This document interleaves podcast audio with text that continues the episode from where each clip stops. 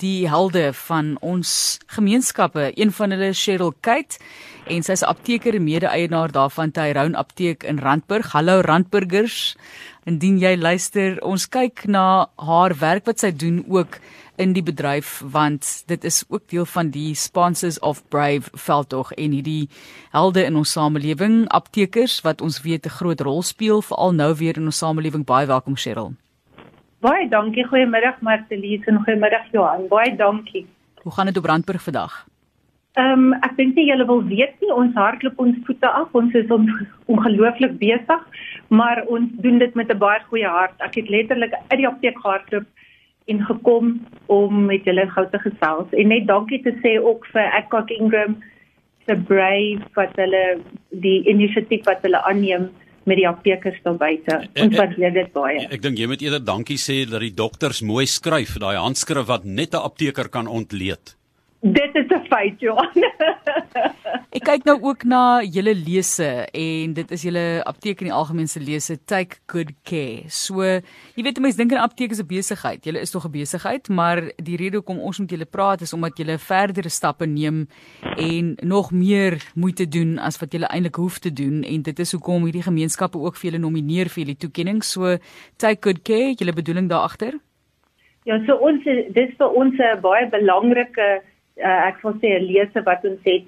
En as ons met die personeel begin dan sê ons ons begin altyd met jouself dat jy na jouself moet omgee. Want as jy na jouself omgee dan is dit maklik om met jou na jou gesin en jou vriende om te gee. En dan as ons omgee vir onsself is ons gelukkig. Uh, mense kan ons vertrou. Ons um, ons het selfversekerheid. Um, dit gee ons oor vir ons kliënte en daardeur maak ons kan ons die gemeenskap ook verder help. En dis wat ons wat ons sê jy weet sy goed gee en ehm um, jy probeer vir almal wat jy kan. Baie keer ek sê soms jy weet jy sy goed gee kan dit be ha, hoe gaan dit vandag met jou? En dan luister jy. Ja. of jy gee glimlag of jy ehm um, gee goeie raad of jy gee hulp hier of daar. Dit, dit is vir ons baie belangrik. Julle is ook op hierdie stadium of julle doen eintlik al vir 'n ruk voedselprogramme of voedingsprogramme, daardie skemas. Hoekom het julle besluit om as 'n besigheid op daai vlakke ook betrokke te raak? Ek is seker julle sien ook die behoefte direk in mense se oë elke dag. Jonge, ek kan vir jou besig hou met baie stories van hoe ons harte geraak word deur mense wat regtig niks het nie. En terwyl ek dit sê dan dan raak ek ook emosioneel.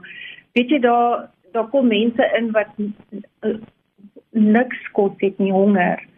En dan as ons vir hulle 'n pakkie kos kan gee, daar's van die gemeenskap wat die kos bring, gee 'n pakkie kos, jy hoef dit net met water te meng. Ehm uh, jy kan jy kan dit as 'n pap eet of as 'n drank wat ook al. Ehm um, is hulle so gelukkig. Of een sal kom en ons sal vir hulle ehm um, 'n kos maak en vir hulle gee.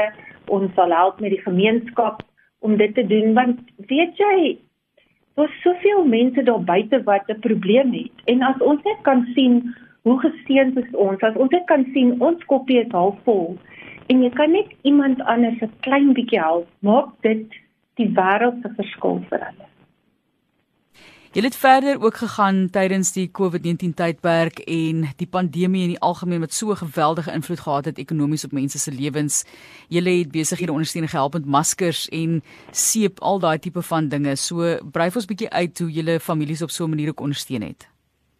Ehm um, bietjie daar ons ons het 'n veld tog gehad van ons het die kliënte gevra vir elk as hulle 'n ma masker koop en skenk elkeen wat hulle koop en skenk skenk ons ook een. En ons het dit alles in 'n mandjie gesit. En sodra iemand gekom het en hulle het nie 'n masker, hulle het nie geld om 'n masker te koop nie, het ons vir hulle die vrymoedigheid gegee om vir hulle twee of drie maskers uit die mandjie te vat, te kies wat hulle van dit wil hê en hy het te vat vir hulle vriende en gesinne. Want so hou ons probeer ons almal veilig hou. Ons het 'n baie jong dametjie sy het ingekom en sy het gesê sy wil graag maskers maak om geld te verdien want hulle hulle sukkel finansiëel en sy bring toe maskers en dit ons nou mooi met haar gepraat en sy sê sy het hom net 'n bietjie hier so maak en daar so maak. En sy het seker nog 2 ure teruggekom en sy het alles gedoen en ons het al haar maskers daar gekoop. Sy was so dankbaar. Dit was kos vir haar op die tafel vorentoe. En so kon ons daai maskers weer vir ander mense gee wat maskers nodig het. Ek, ek dink dit is 'n wonderlike ehm um, gevoel om ander te help wat nie kan wat nie het nie.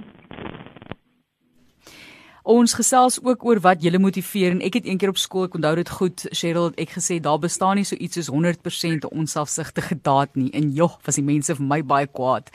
Ek het uh, gesê selfs die wonderlikste helde in die wêreld het dit ook gedoen omdat dit iets binne hulle bevredig. So dit is in hierdie gee met jou en Kelly is tog ook iets wat vir julle motiveer. Gee vir ons net 'n idee van wat hou julle aan die gang in hierdie tyd. Ehm um, weet jy Kelly en ek is baie goeie besigheids ehm um, vennote maar daardeur is ons vriende en en met ons personeel ook en ons probeer altyd om te sê om om te lei met 'n voorbeeld. Maar ehm um, vir my persoonlik dink ek is dit baie goed dat jy gee sonder om terug iets terug te verwag en jy moet gee sonder dat jy vir die wêreld hoef te wys wat gee want daai daai ietsie ek weet nie daar's net iets wat gebeur ehm um, maar dit is 'n gevoel dis 'n dis 'n gevoel van dankbaarheid dis ehm um, om ander te kan help maar net humbly te kan wegloop en te weet jy het 'n verskil te maak sonder om ophef daaroor te maak en aan te gaan.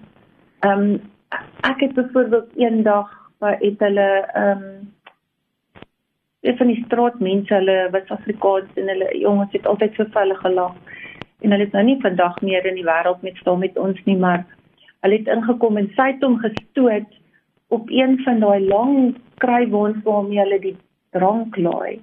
Hier op die apteek het so 'n ramp en hulle het sy so split hom op en sy sê mevrou kan jy asseblief net ek kan ons Ronnie help en hier sy voet is 'n groot infeksie van die ander mense doen dit nie vas besig om 'n voet te verband om te sit op die op die dranktrolie in die apteek dit was skes nog daarna, maar die jy net iemand so kan raak en dat hulle net kan gelukkig wegloop en weet dat ander wat hulle omgee. Ehm um, dink ek is vir ons baie belangrik.